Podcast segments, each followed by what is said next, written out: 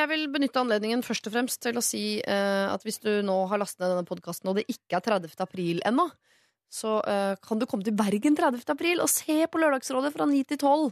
Eh, da er det Trond-Viggo Torgersen, Lars Berrum og Selda Eki som er rådgivere, og vi skal spise boller og drikke kaffe og, og, og gi råd og gjøre det vi alltid gjør, bare at nå har du muligheten til å være liksom inni der sammen med oss og se på at vi gir problemet. Jeg tror det blir mega, mega koselig. Men hvis du har podkastet, og det nå er La oss si 7. juni 2019, da. Så er det jo litt dumt, for da har jo det toget gått. Da skal vi sikkert et eller annet annet, men det får du google, for det veit jeg ikke ennå. For jeg har ikke funnet det på ennå. Wow, dette blir sykt!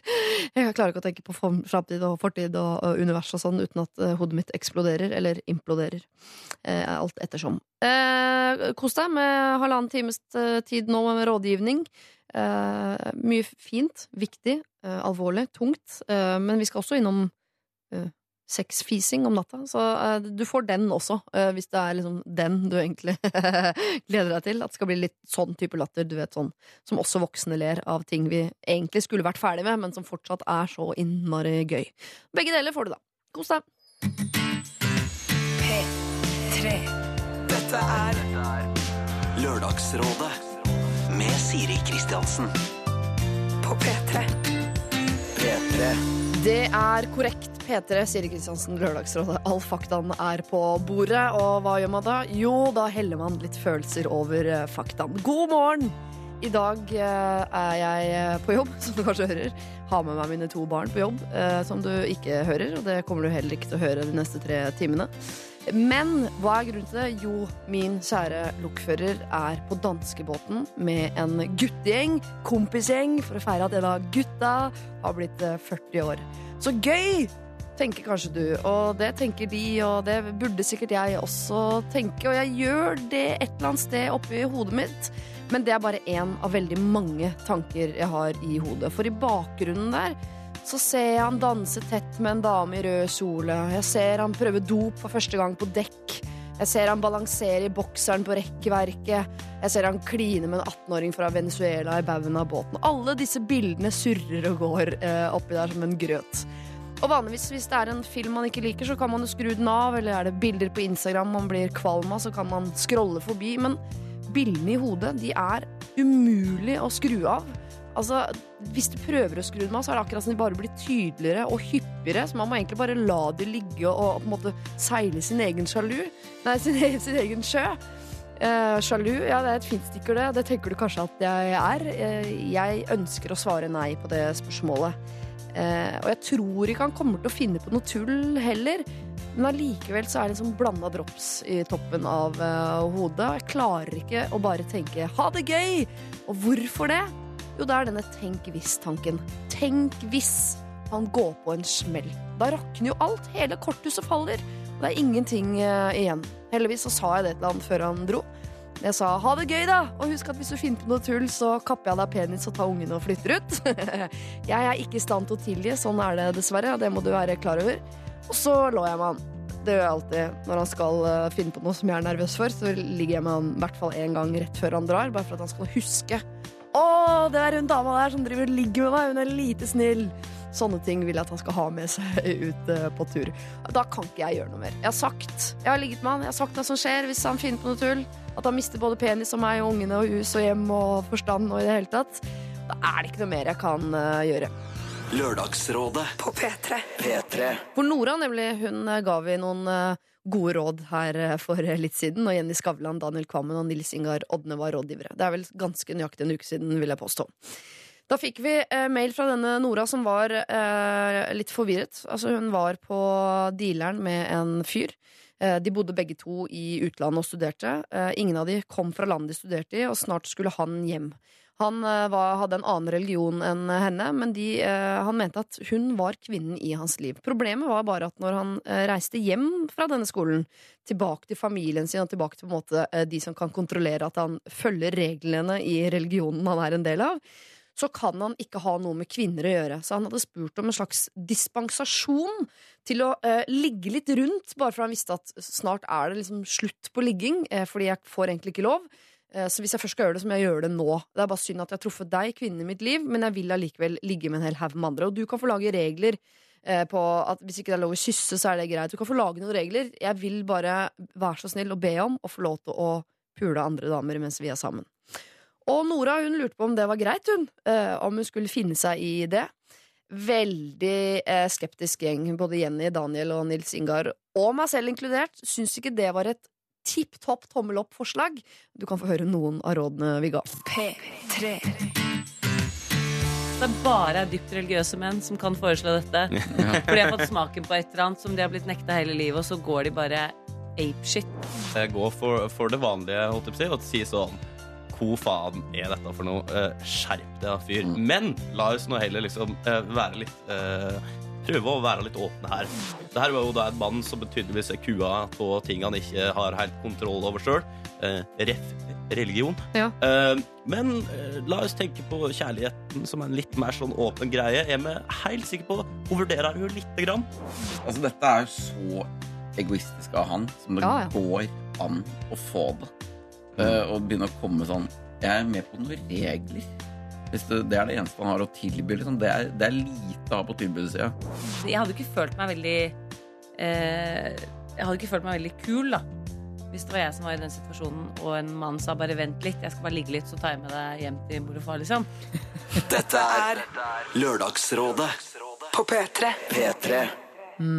Det var altså ikke eh, høy eh, elskerfaktor for dette forslaget om å få lov til å ligge med andre damer bare fordi man vet at eh, man snart ikke får lov mer. Det er jo som om hvis jeg skulle forlovet meg, skulle jeg spørre sånn «Å, Skal vi gifte oss? Vent, da. Eh, Kan jeg bare fram mot bryllupet få lov til å ligge masse rundt? For da jeg vet at da er det liksom slutt på moroa etter det. Nei, det går jo ikke an. Eh, Nora har sendt oss en ny uh, mail hun skriver Tusen takk for at dere tok opp problemet mitt. Jeg skjønner at det var vanskelig å gi råd. Selv om jeg egentlig visste at det var det beste, ble det ganske klart da jeg hørte hvordan dere reagerte på forslaget hans. Så etter å ha hørt på dere, bestemte jeg meg for å si nei, nei, nei, og jeg gjorde det slutt. Det blir nok en stund til neste date for min del. Men livet er ikke bare kjipt. Jeg gleder meg til å få en kopp. Hun fikk jo da Lørdagsrådet-koppen på slutten av eh, forrige lørdagssending der. Så kanskje jeg skal følge Jenny Skavlans råd om å smelle den i hodet hans. Eh, Nora, det vil jeg ikke uttale meg om, men wink, wink, du vet jo hva jeg tenker om sånne ting. Det gjør jo noe med kroppen min, bare å vite at du potensielt kanskje skal bruke den eh, koppen til noe mer enn det den er ment for. Det syns jeg er et gøy forslag. Eh, fint at du fant ut av det. Eh, fint at du gjorde det slutt, vil jeg også påstå. Dette er NRK P3. God morgen, folkens. Tusen takk. God morgen sjæl. Sier man tusen takk til god morgen? Nei. Altså, Det er én respons man kan prøve. Vi prøvde det nå. Det funka ikke så bra. Nei. Mats Elløen sto for den responsen. Du er impro-skuespiller. Jeg har Ja. valgt å gi deg som tittel i dag. Mm. Ken Vasenius Nilsen, du er kollega og radioguru nå blitt. Oi. Eh, Linnea Myhre, samfunnsrøst og it-girl. Ja. Det er stadig noe nytt. Ja, ja. Jeg, altså, jeg vrir hjernen min for å finne på noe uh, som jeg kan kalle dere som er korrekt, Mm. men som enten er litt morsomt eller litt provoserende, eller uh, bare noe annet. Uh, jeg vet Ja. ikke hvor eh, god jobb jeg har gjort. Eh, kollega og radioguru. Ikke noe å reagere på der. Nei, virkelig ikke. Nei. Eh, I så fall i positiv forstand. Ja. Akkurat det med kollega er jo bare en, et, to, et tomt ord. da Ja, frase. Det er bare fordi vi jobber på samme sted og får lønn fra samme arbeidsgiver. Ja, det er definisjonen på kollega. Det, Mm, min venn. takk. Improskuespiller, er, du- er det en tittel som fins? Ja, det, det har kommet, ja. Kommet for, for å bli, si. Men er du utdannet improskuespiller? Ja Ja, har, du- har, du noe- har du noe utdannelse overhodet, Mats? du, Ja, jeg har en del, faktisk. Jeg har starta veldig mange utdannelser som jeg hoppa av. Ja, hva da? Nei, jeg har gått på dramateaterkommunikasjon. Jeg har gått på legestudiet. Hoppa av for å spille teater. Um, eller tannlege Før liksom du får masse sinte mails. Så jeg går på tannlegestudiet. Ja, Som, Det er en lege, det. Ja, det er, det er en Ja, type lege. absolutt. Bare for tenneren. Ja, så, Men ikke utdannet improskuespiller, altså. Nei, jeg har tatt noen kurs, da. Samfunnsrøst og it-girl, Linnea Myhre. Hva, koser du deg med det, eller eh, har jeg provosert, eller har jeg smisket, eller hva har jeg gjort med de ordene der? Eh, nei, ikke for å leve med det. Kan Ja. ikke det? Eh, nei, det er hyggelig å bli Men altså, jeg er ikke sånn ute etter å være sånn som roper høyt i alle slags eh, eh, sammenhenger. Men av og til så kan det jo sikkert være en røst, da. Jeg vet ikke. Du har ropt litt høyt i det siste. Jeg har jo eh, lest at du har litt sånn ambivalent forhold til blogging eh, for tiden. Ja, men jeg har egentlig ikke ropt, jeg har bare blogga. Ja, ja. på en måte. Ja, Det er Men, vår eh, tids eh, roping, det. Det, det, det føres jo videre da, til folk som, som ja, eh, gjør det til roping, på en måte. Men vi lever i et konfliktsky samfunn. Det er ingen som roper her, så da må man på en måte nedskalere Nei da, når, jeg, når det er noe som, som er viktig for meg, så har jeg lyst til å, skrive det. Og det, da er det greit å ha en blogg igjen. Ikke at jeg skal blogge hver dag og, og sånne ting som jeg kanskje har gjort før, men greit å ha den når jeg liksom har et eller annet på hjertet. Da. Ja, for Med en gang så kan det se ut som du blogger om at du er negativ til blogging. Det virker jo rart, Men det du eh, prøver å si der, er at du er eh, betenkt i forhold til eh, sponsing på blogg. Ja, og det er kroppspresset selvfølgelig som fører med at vi på en måte k- sponser jo kroppsdelene til visse bloggere. Ja. Eh, Det er masse gode blogg bloggere der ute også som, eh, som har noe å si, og som kan være til inspirasjon. Eh, Mm. Men så er det også den, det helt totalt motsatte, som på en måte tror de er gode forbilder, og så er de egentlig bare med å skape en, et enda større press. da Og så er vi med på å betale for at de får silikonpupper, og så får vi enda mer lyst på silikonpupper selv. Så har vi betalt for vårt eget uh, mindfuck, på en måte. Mm. Må også huske at det var veldig lang periode man ikke kunne være både samfunnsrøst og it-girl. Uh, Det er først nå i nyere tid at det er mulig, tror jeg. En deilig kombinasjon. Ja, det er en veldig fin kombinasjon, så den tror jeg du skal ta vare på. Linnea. Ja, det, Mm. jeg skriver ned. Ja. Kunne du ha starta en blogg, Ken? Hva skulle den i så fall inneholdt? Det måtte nesten ha vært en eh, dyreblogg, tror jeg. Eh, som jo kunne blitt veldig Men det populær. mangler vi. Så det, Ja, jeg lurer på det. En dyreblogg? Altså, hvor du bare veldig mye- om dyr? Ja, legger ut bilder av dem, da. Veldig lavterskel. eh, høye klikktall, tror jeg. Eh, mye litt katt, litt ape. Ja. En og annen koala. Morsomme dyr, eller bare dyr? Søte? Ja, mest morsomme dyr. jeg tror morsomme klipp er det som uh, Morsomme dyreklipp. Det Ja. er ja, Og noen ønsket. sånne sjokkerende, sånn som her om dagen så så jeg et av en eh, Jeg tror det var en jaguar eh, som gikk langs en elvebredde, og det så ut som den bare hadde, tok det helt med ro. Plutselig så hoppa den bare ut og tok en krokodille. Og dro den opp på land og spiste den opp. Det er så Fy. Altså, det er Ja. så rått. Men Mexico du, ja. du skal bare kuratere sånne andre klipp. Du skal ikke Ja, nei, altså, lage sjøl. jeg, Lage egne dyreklipp? Ja, jo, det tror jeg kanskje jeg skal. Vent, da skal jeg følge etter en katt her. En eller annen dag gjør noe gøy. Det må, det må skje. Ja. Jeg følger på Facebook jeg, en eller annen sånn, hvor det legges ut morsomme katteklipp hver eneste dag. Ah. Koser meg med det. Det ser du. Ja, det er så gøy. Hva skulle din blogg inneholdt da, Mats? Mm, Har vi filma deg sjøl, du, da, som gjør rare ting? ja, eller? det måtte ha blitt noe sånt, da. Eh, eventuelt kan de filme at de roper, roper andres blogger. Sånn som Mm. holdt på å bli med Linnea her. Ja. Det er ikke så dumt. Nei, det kan- Det er litt metablogg. gøy. Ja. Jeg hadde Skriv lest den. Du hadde sett med rope andres blogg. Ja. Du, vi har eh, plukket ut et problem til deg i dag, eh, Linnea, som passer perfekt. Som faktisk Oi, oi, oi. handler om dette jaget etter å se ut som en dukke. Eh, skal vi dit? Når er det nok? Når skal vi stoppe? Og så videre. Og det er veldig fint å ha med seg deg, i og med at vi har med to andre eh, testosteronbefengte mennesker som sikkert eh, i større grad applauderer eh, dette utseendet. Det er, det er ganske lavt eh, testosteronnivå, så jeg vil ikke være med på det. Men det er greit. det. Nei, men det får vi se når vi kommer dit. Vi skal innom masse andre problemer eh, først, fram til klokka tolv. P3 Dette er Lørdagsrådet på P3. P3. Vi skal først ut her i eh, denne deilige morgenkvisten møte et par som har vært sammen i hele elleve år. Oh. Det består av to mennesker, eh, Emma og Ole. Emma, eh, var, problemet er at Emma vil ha en tatovering til. Ole hater tatoveringer. Emma var verken fan eller ikke fan av tatoveringer før, men for et år siden fikk hun øynene opp for kroppskunsten og skaffa seg en litt original tatovering på underarmen. Det var navnet til barna. Litt senere sendte hun kallet igjen og fikk en ganske stor og fin, ifølge Emma, eh, og tolererbar, ifølge Ole, fugl på den andre underarmen. Og nå melder behovet seg igjen, og hun, eh, Emma, vil gjerne pynte seg enda mer. Men Ole blir avvisende og unnvikende når Emma snakker om dette. Ole sier at han aldri har likt tatoveringer. Han skjønner ikke poenget med tatoveringer. Hva vil de uttrykke? Hva skal de symbolisere? Eh, hvem skal man uttrykke seg til?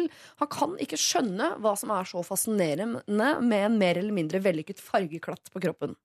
Han sier han eh, ikke har, at han har til gode å se en tatovering som blir eh, like bra på huden som den er på papir. Da alt blir blassere og feilproporsjonert. Ok, Han er skeptisk til tatoveringer, denne mannen. ikke sant? Eh, det blir ikke akkurat noe Mona Lisa-kvalitet på kunststykket i eh, da hermetegn. Han syns også det er harry, og når Emma spør om det er greit å utvide tatoveringsparken sin, så tenker Ole at han ikke har noen rett til å mene noe om hennes kropp, men han syns ikke det er pent, eh, og tuller med at eh, det er greit, men en dag så må det være slutt. Emma elsker fugletatoveringen sin, eh, og for henne representerer den alt som er vakkert i hele verden. Hun ser, den, eh, hun ser at det for andre kan virke litt harry med tattis, og er faktisk litt overrasket over sitt eget engasjement og sin egen fascinasjon. Hun er på ingen måte en typisk tatoveringstype, og kanskje er det litt derfor hun liker det også. Hun syns det er spennende med kontraster og overraskinger, og for Emma er det meningsløst å sammenligne tatoveringer med kunst på annet lerret, for det er jo en helt ulik form for kunst.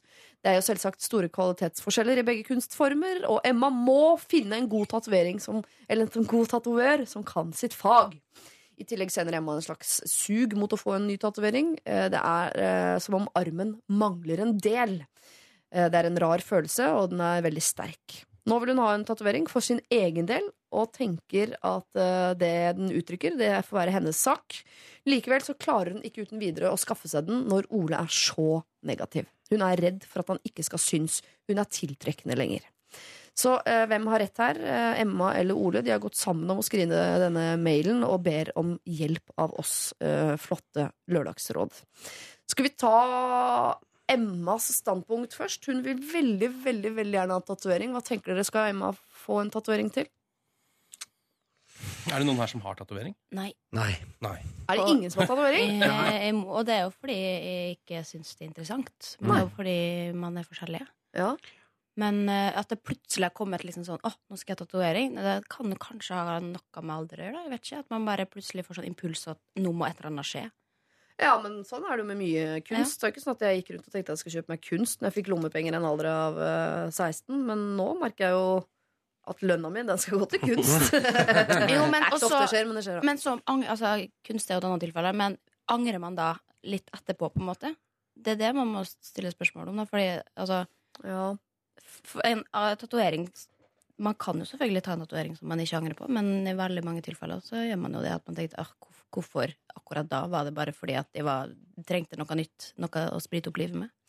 Emma er 32, og da, er ofte, på en måte, da har man jo stabilisert smak og personlighet litt mer enn når man er 18. Så det er tryggere nå å ta tatovering Mm. enn om hun var 18. Men hun sier ikke noe om hva hun skal ha. Hun skal ikke ha home, liksom.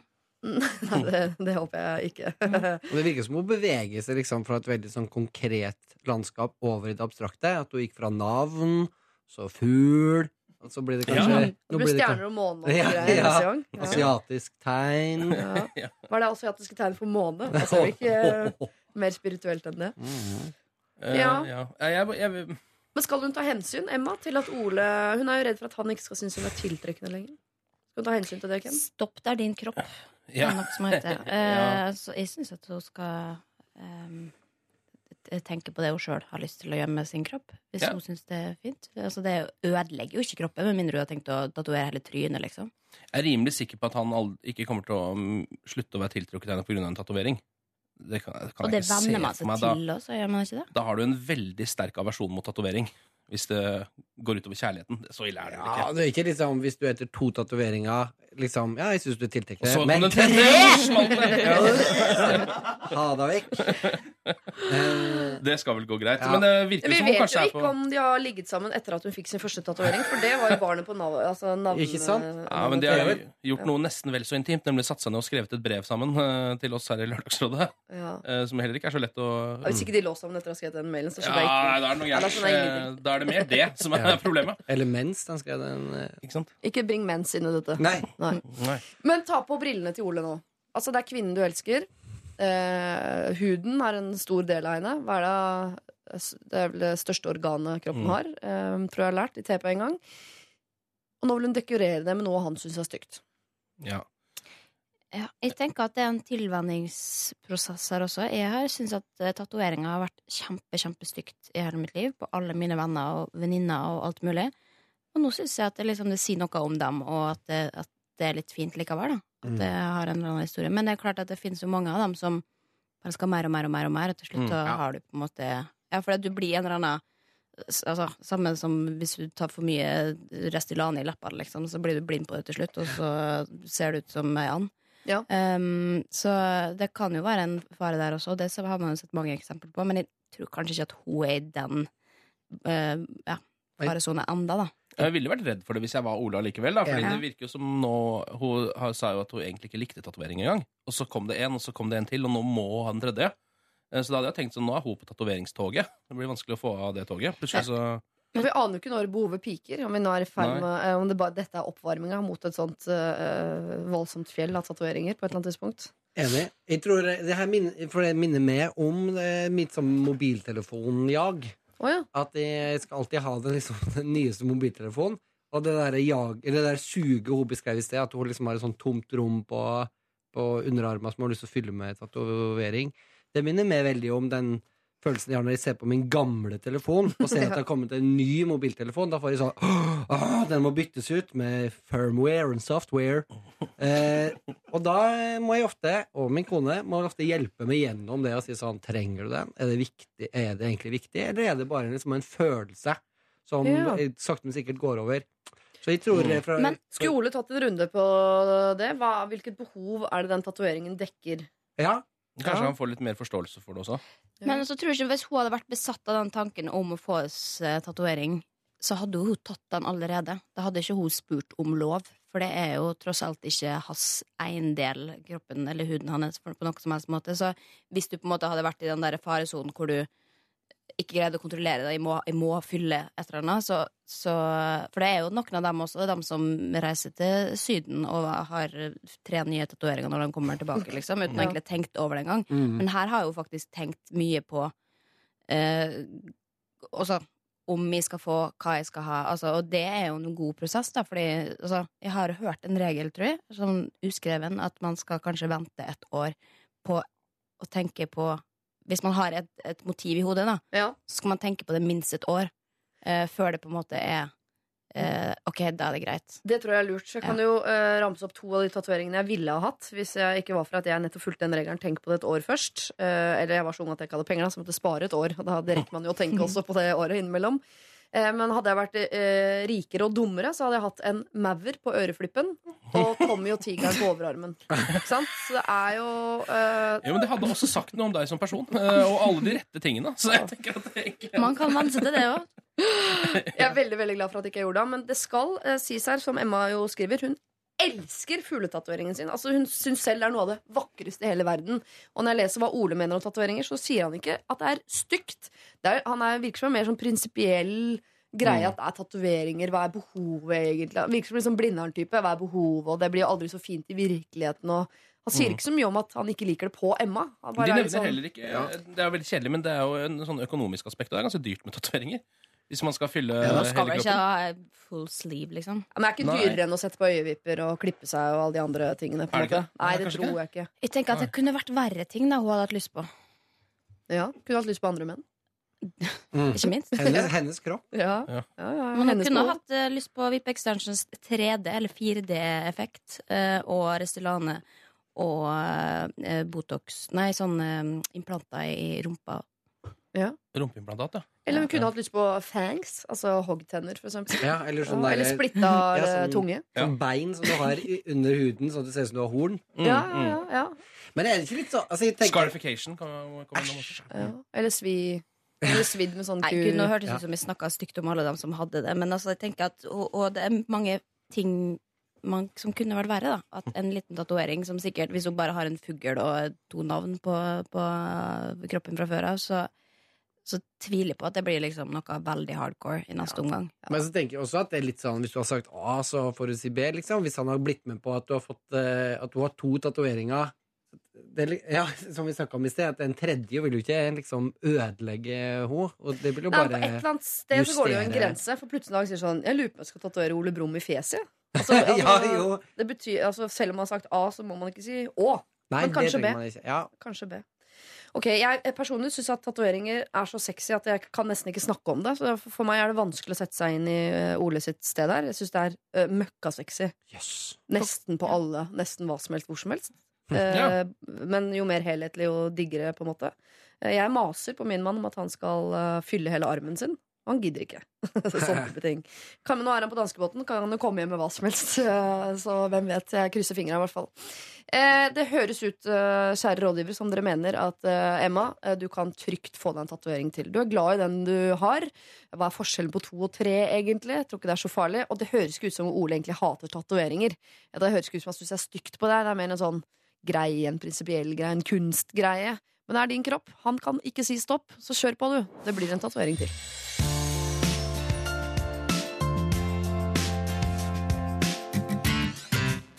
Nelly Furtado sammen med Timbaland, hvor det nå har blitt av han, hand med Promiscuous. Eh, Når var den tida der Timbaland-tiden? Ti år siden, eller? Ja. Er så lenge? Ja, det var på min videregående, så 2007-2008, tror jeg. Ja, det fantes jo ikke kul musikk uten at han hadde en eller annen finger med i Nei. eh, spillet. Husker han var med på Tim, altså Justin Timberlake sin konsert i Oslo Spektrum. Ja, Det det kan- var eh, en av de få konsertene jeg har vært på i mitt liv, og det var veldig gøy. Uh, først og fremst fordi det var en jente på ca. 17 år som kastet opp uh, før det begynte, for hun var så full at hun måtte bli båret ut av Røde Kors og fikk ikke med seg noe av konserten. Men er han sponsa av skoa? Er liksom Av Timberland-sko. Kan Ja. ha vært med. Jeg vet ikke hvem som er sponset hvem. jeg. Nei, veldig usikker. For han går, liksom innbiller meg at han alltid går med det, for eksempel. Eller Nei, det hadde vært gøy. Jeg tror det er fordi du tenker at det hadde vært gøy. Mer Mer enn at du faktisk har sett det. sammen, ja. Ja. Du, uh, de to verdenene dine De må uh, skilles. ja.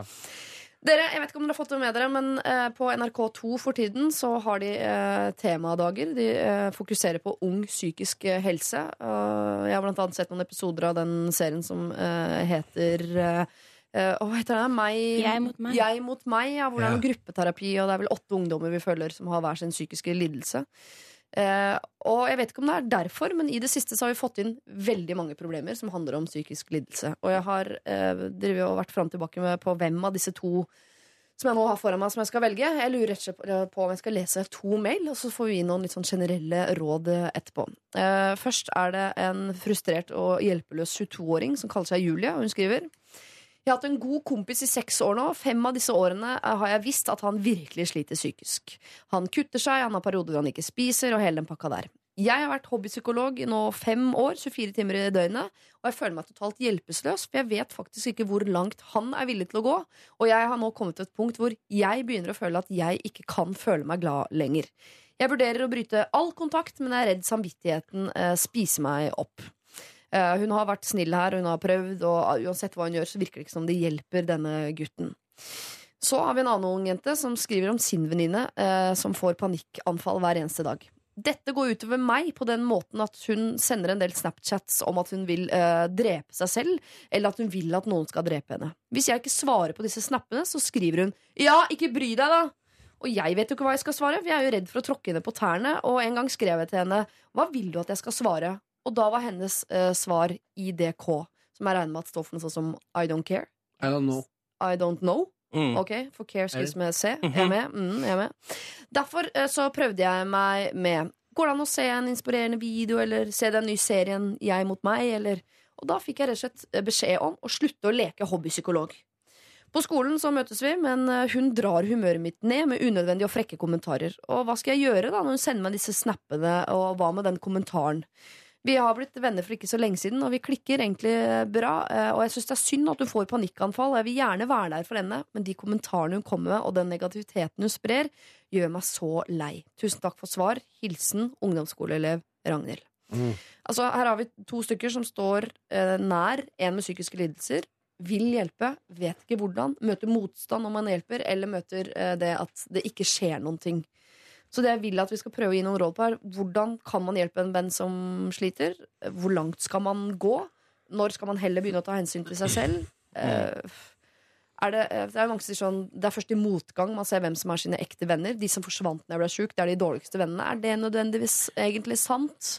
Ja, Man blir jo giftig av å være så deprimerte som det virker som eh, noen av de er. Ja. Eh, da blir man jo litt sånn gift i sitt, eh, i sin, for sine egne omstendigheter, da. Så folk vil jo um, synes det er utrolig vanskelig å være sammen med deg, og det vil du ikke selv forstå før du kommer ut av det igjen. Tror jeg. Mm. Nei. Så det er litt vanskelig når du er oppi den gjørma der sjøl, så skjønner du ikke helt hvor, uh, hvor vanskelig det er å være rundt deg. da. Og du tar det litt sånn, du blir litt sånn sure på folk fordi de ikke støtter deg, mens de egentlig prøver så godt de kan å gjøre det også. Ja. Um, så det er sånn vanskelig å si. Men er det ikke ofte også uh, når hvis man kommer seg ut på andre siden, at man sier uh, eh, Knut var helt uunnværlig i denne perioden. Han var den Mm. eneste som sto der hele veien og som hjalp meg hele veien. Og uten Ja. han så hadde jeg ikke klart det. Ikke sant? Mm. Så da, Man har jo et ønske om å være denne Knut, men eh, Mm. han fins det jo ikke så mange av, tydeligvis. Nei, og det er, for det er veldig veldig mye arbeid også med en som er psykisk øh, syk. Og selvfølgelig gjør det det veldig mye vanskeligere når de sjelden har lyst på hjelp, eller altså, å være sammen med folk. Altså Deprimerte bare isolerer seg jo fordi det er enklest å være alene og har føler at de har ikke noe å bidra med. Og sånne ting Og jeg vet jo mye om det her sjøl, for jeg har jo slitt med alt, i, alt, alt det der i, ti år sjøl. Så Eh, og jeg husker godt fra den perioden jeg ble sjuk, uh, så bare tok jo jeg Altså sa goodbye til alle mine venner. Ville ikke ha Ville ikke at de skulle komme på besøk, ville ikke snakke med dem på skolen og sånne ting. Og de prøvde jo litt først å komme med og snakke med meg og komme på besøk til meg sjøl om jeg hadde sagt at det ikke passa og sånne ting. Eh, og da bare avskrev jeg dem helt totalt og skjelte dem ut, eller altså, selv om de selvfølgelig bare hadde lyst til å være gode og snille. Men da jo, endte det jo med at de trakk seg tilbake, fordi det var det jeg ville. Ja. Eh, jeg ville ikke ha deres hjelp, jeg skulle greie meg sjøl og, og sånne ting.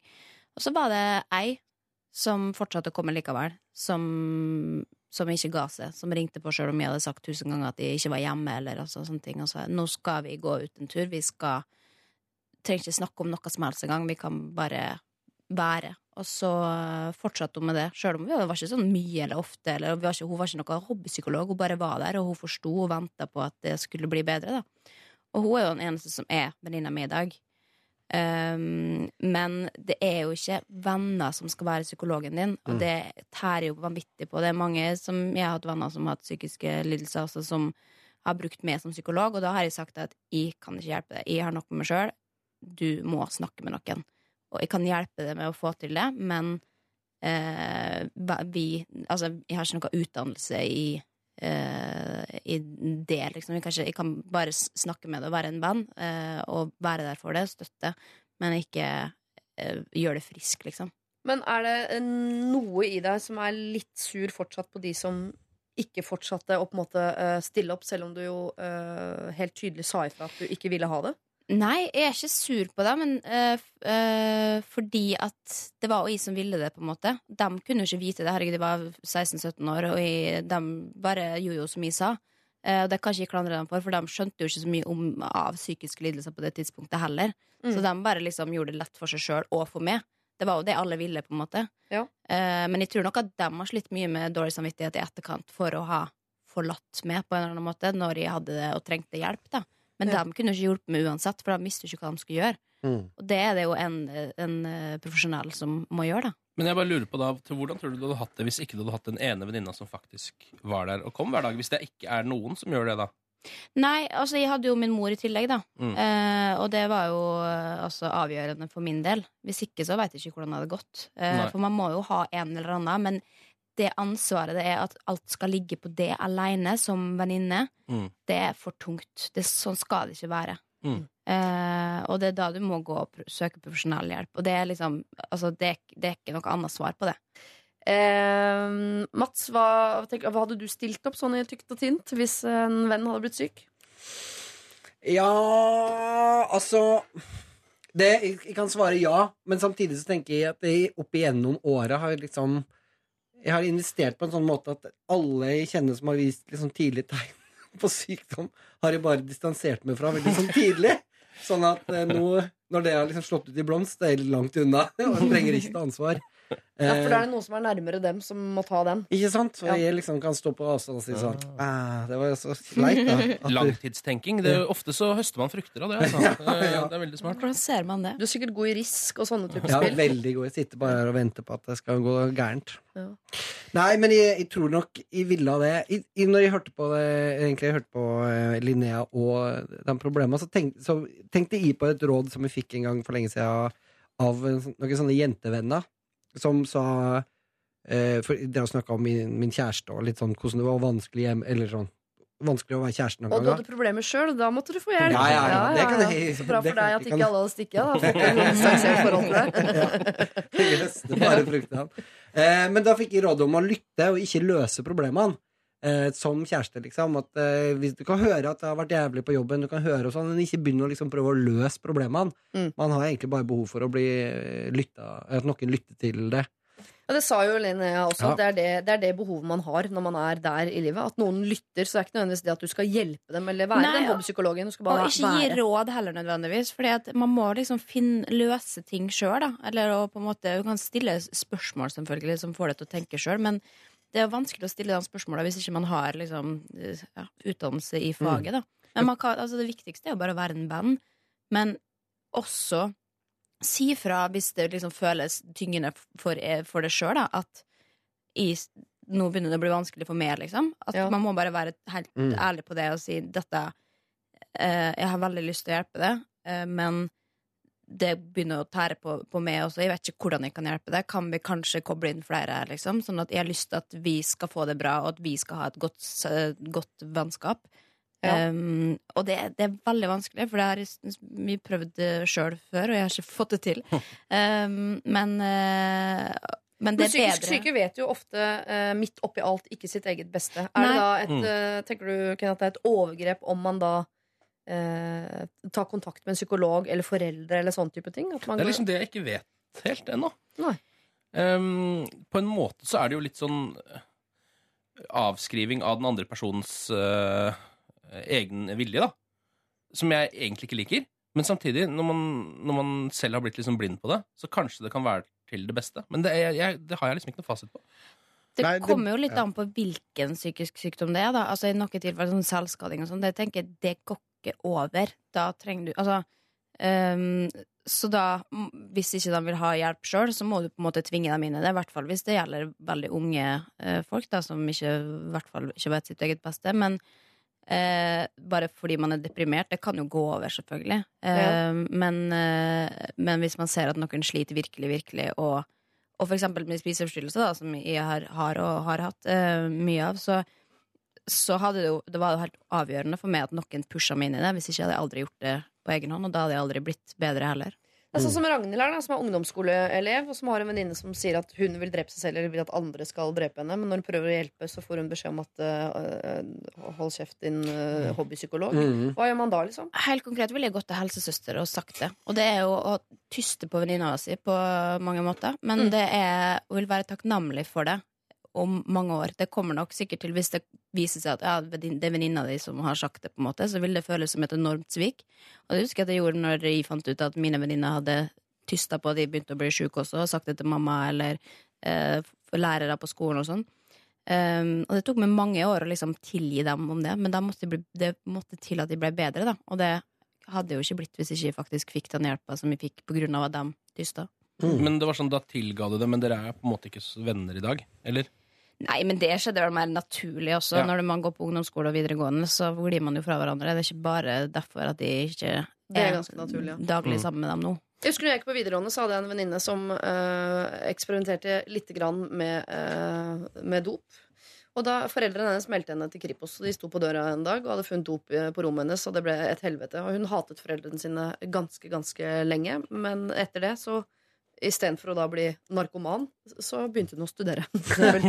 så jeg mener jo, og det, Da husker jeg at vi syntes foreldrene hennes var helt forferdelige. Eh, nå har det jo gått noen år, jeg har blitt forelder selv og tenker at hvis du virkelig, virkelig elsker noen, så må du takle å bli hata hvis det er det som skal til for å hjelpe de du elsker.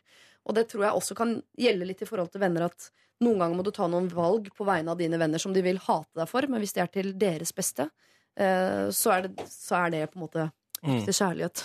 hvis det er lov å være så eh, pompøs. Så Jeg vil også på på en måte si det at selv om, eh, selv om Altså, det er jo viktig å stå ved sine venners side og prøve å følge dem så godt man kan. Men um, når det er folk som sliter veldig med seg selv, uh, så kan det spre seg til deg også, etter hvert.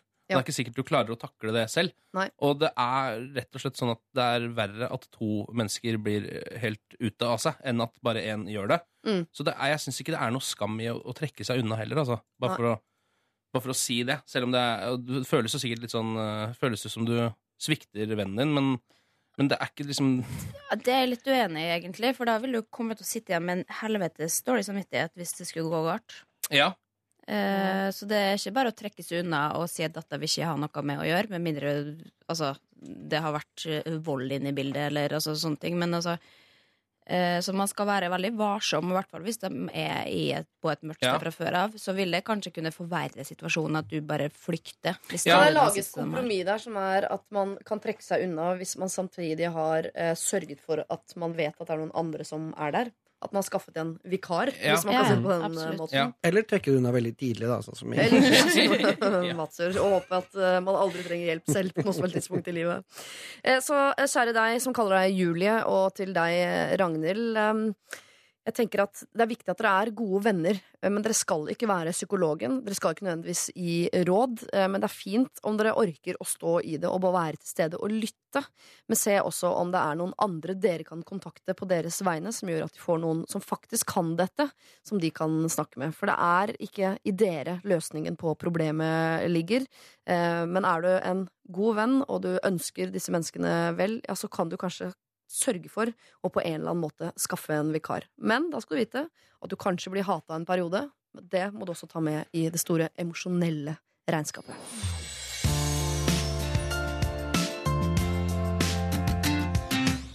En, eh, vi har vært litt nede, det har vært litt tungt. Eh, nå skal vi snakke om penger. Er, dere- er dere glad i penger, folkens? Jeg. Jeg skulle ønske jeg var mer glad i det, sånn at jeg brydde meg litt mer om det og var flinkere med dem. Men ellers så er det greit. Ja. Eh, da, det er fint at dere har litt forskjellig forhold til eh, penger. For vi skal eh, prøve å finne ut hvor grensen går i et slags eh, dilemma her.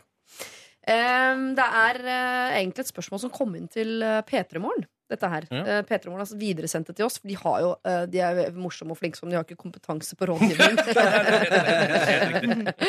Men de har en fast lytter som fant en hundrelapp på gata, tok den, og lurer nå på hvor mener dere grensen går når man finner penger på bakken?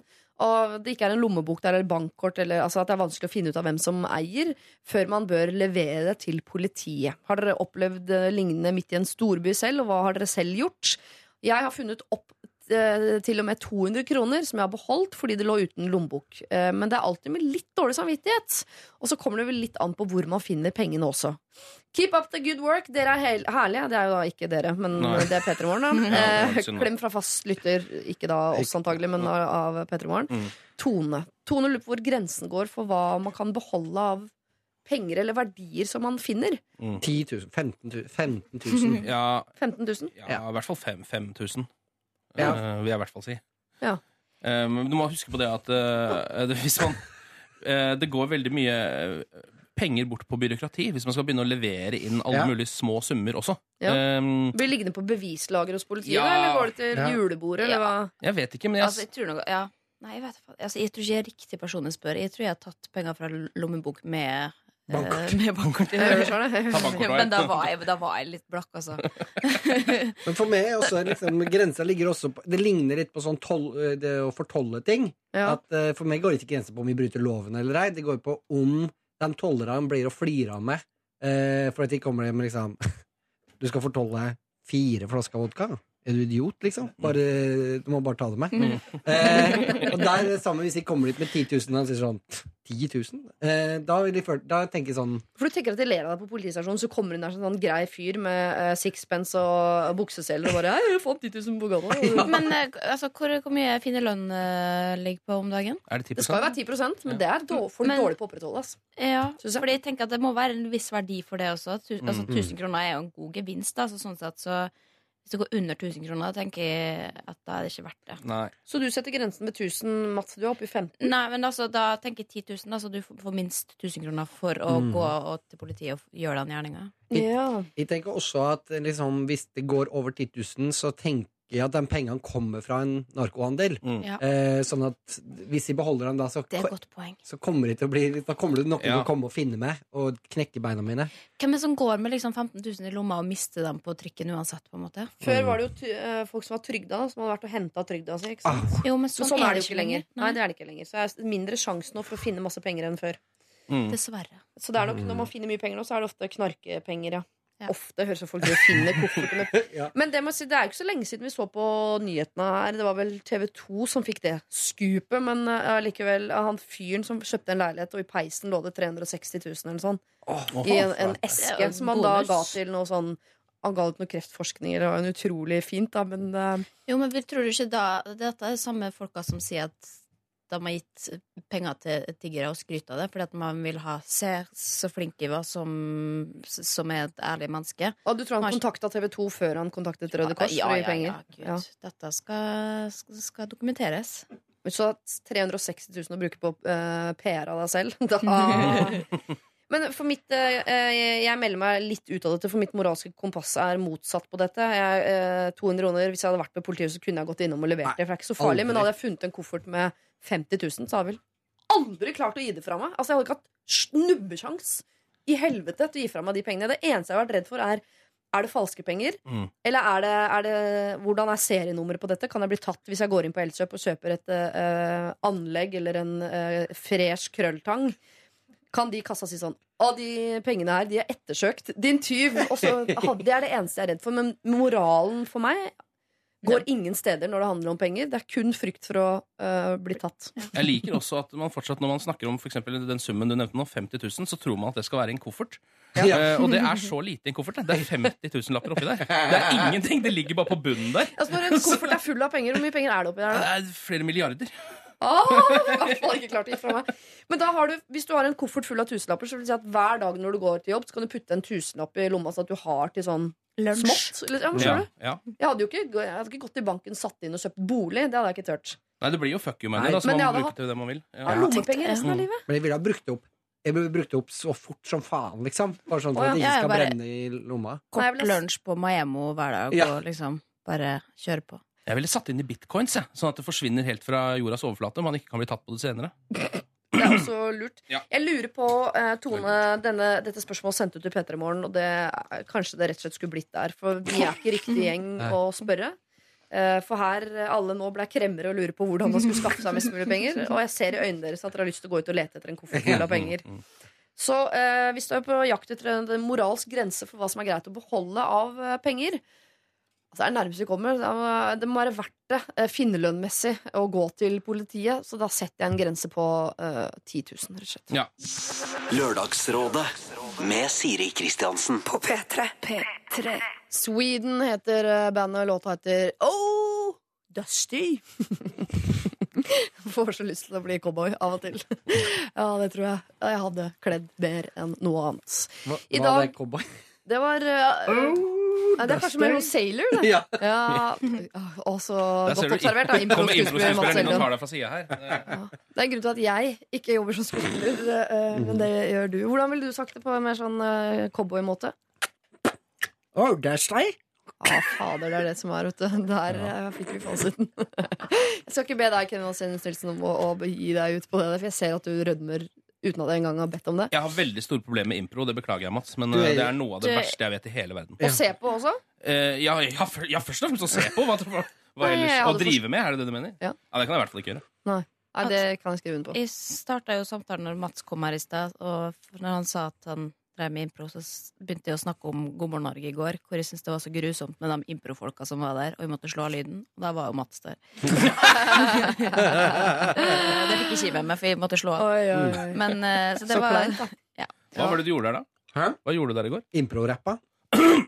Du skjønner? Du skjønner Ja. hvor fælt det er? Ja. Ja, ja, det Jeg er hviler i min sak, jeg. ja, ja, ja. Det var som når jeg befant meg i samtale med naboen i går. Så sånn, vet du hva? Når, når jeg ser folk som planter tujaheks, får jeg lyst til å gå og ringe på og si 'er du helt idiot?' Og så ser han rart på meg og sier sånn 'du har gjort det, du'? Akkurat gjort det. er så deilig når man går på de der. Dere, eh, vi skal prøve å hjelpe en storesøster. Eh, nei, det skal vi ikke. Hun klarer seg helt fint. Vi skal hjelpe lillesøstera. Hun skriver her Min storesøster, som er fire år eldre enn meg, skal gifte seg til sommeren, og det er så klart veldig hyggelig.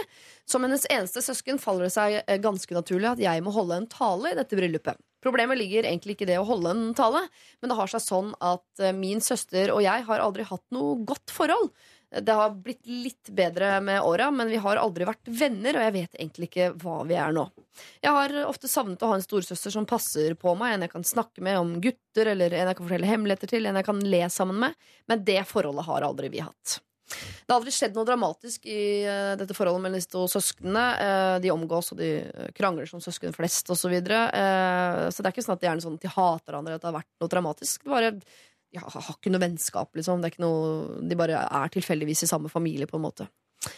Problemet er jo da at jeg har jo ikke peiling på hva jeg skal snakke om i talen. Jeg vet at det forventes av meg at jeg holder denne talen, og jeg vet at søsteren min sikkert setter pris på det, men jeg har virkelig ikke peiling. Jeg kan ikke snakke om alle kranglene vi har hatt, og til tider fremdeles har, for det er faktisk det forholdet vårt er basert på krangling. Så jeg lurer på om dere har noen tips eller en løsning på hva jeg kan gjøre med denne talen. Eh, Det må jo kanskje ikke nødvendigvis være en tale engang, men en hyggelig gest som en video eller lignende. Jeg tar imot alle tips med åpne armer. På forhånd takk. Hilsen lillesøster. Har dere holdt tale selv, lurer jeg på først og fremst? Er dere sånn talefolk? Nei. Ja. Ja, jeg har vel det. Ja.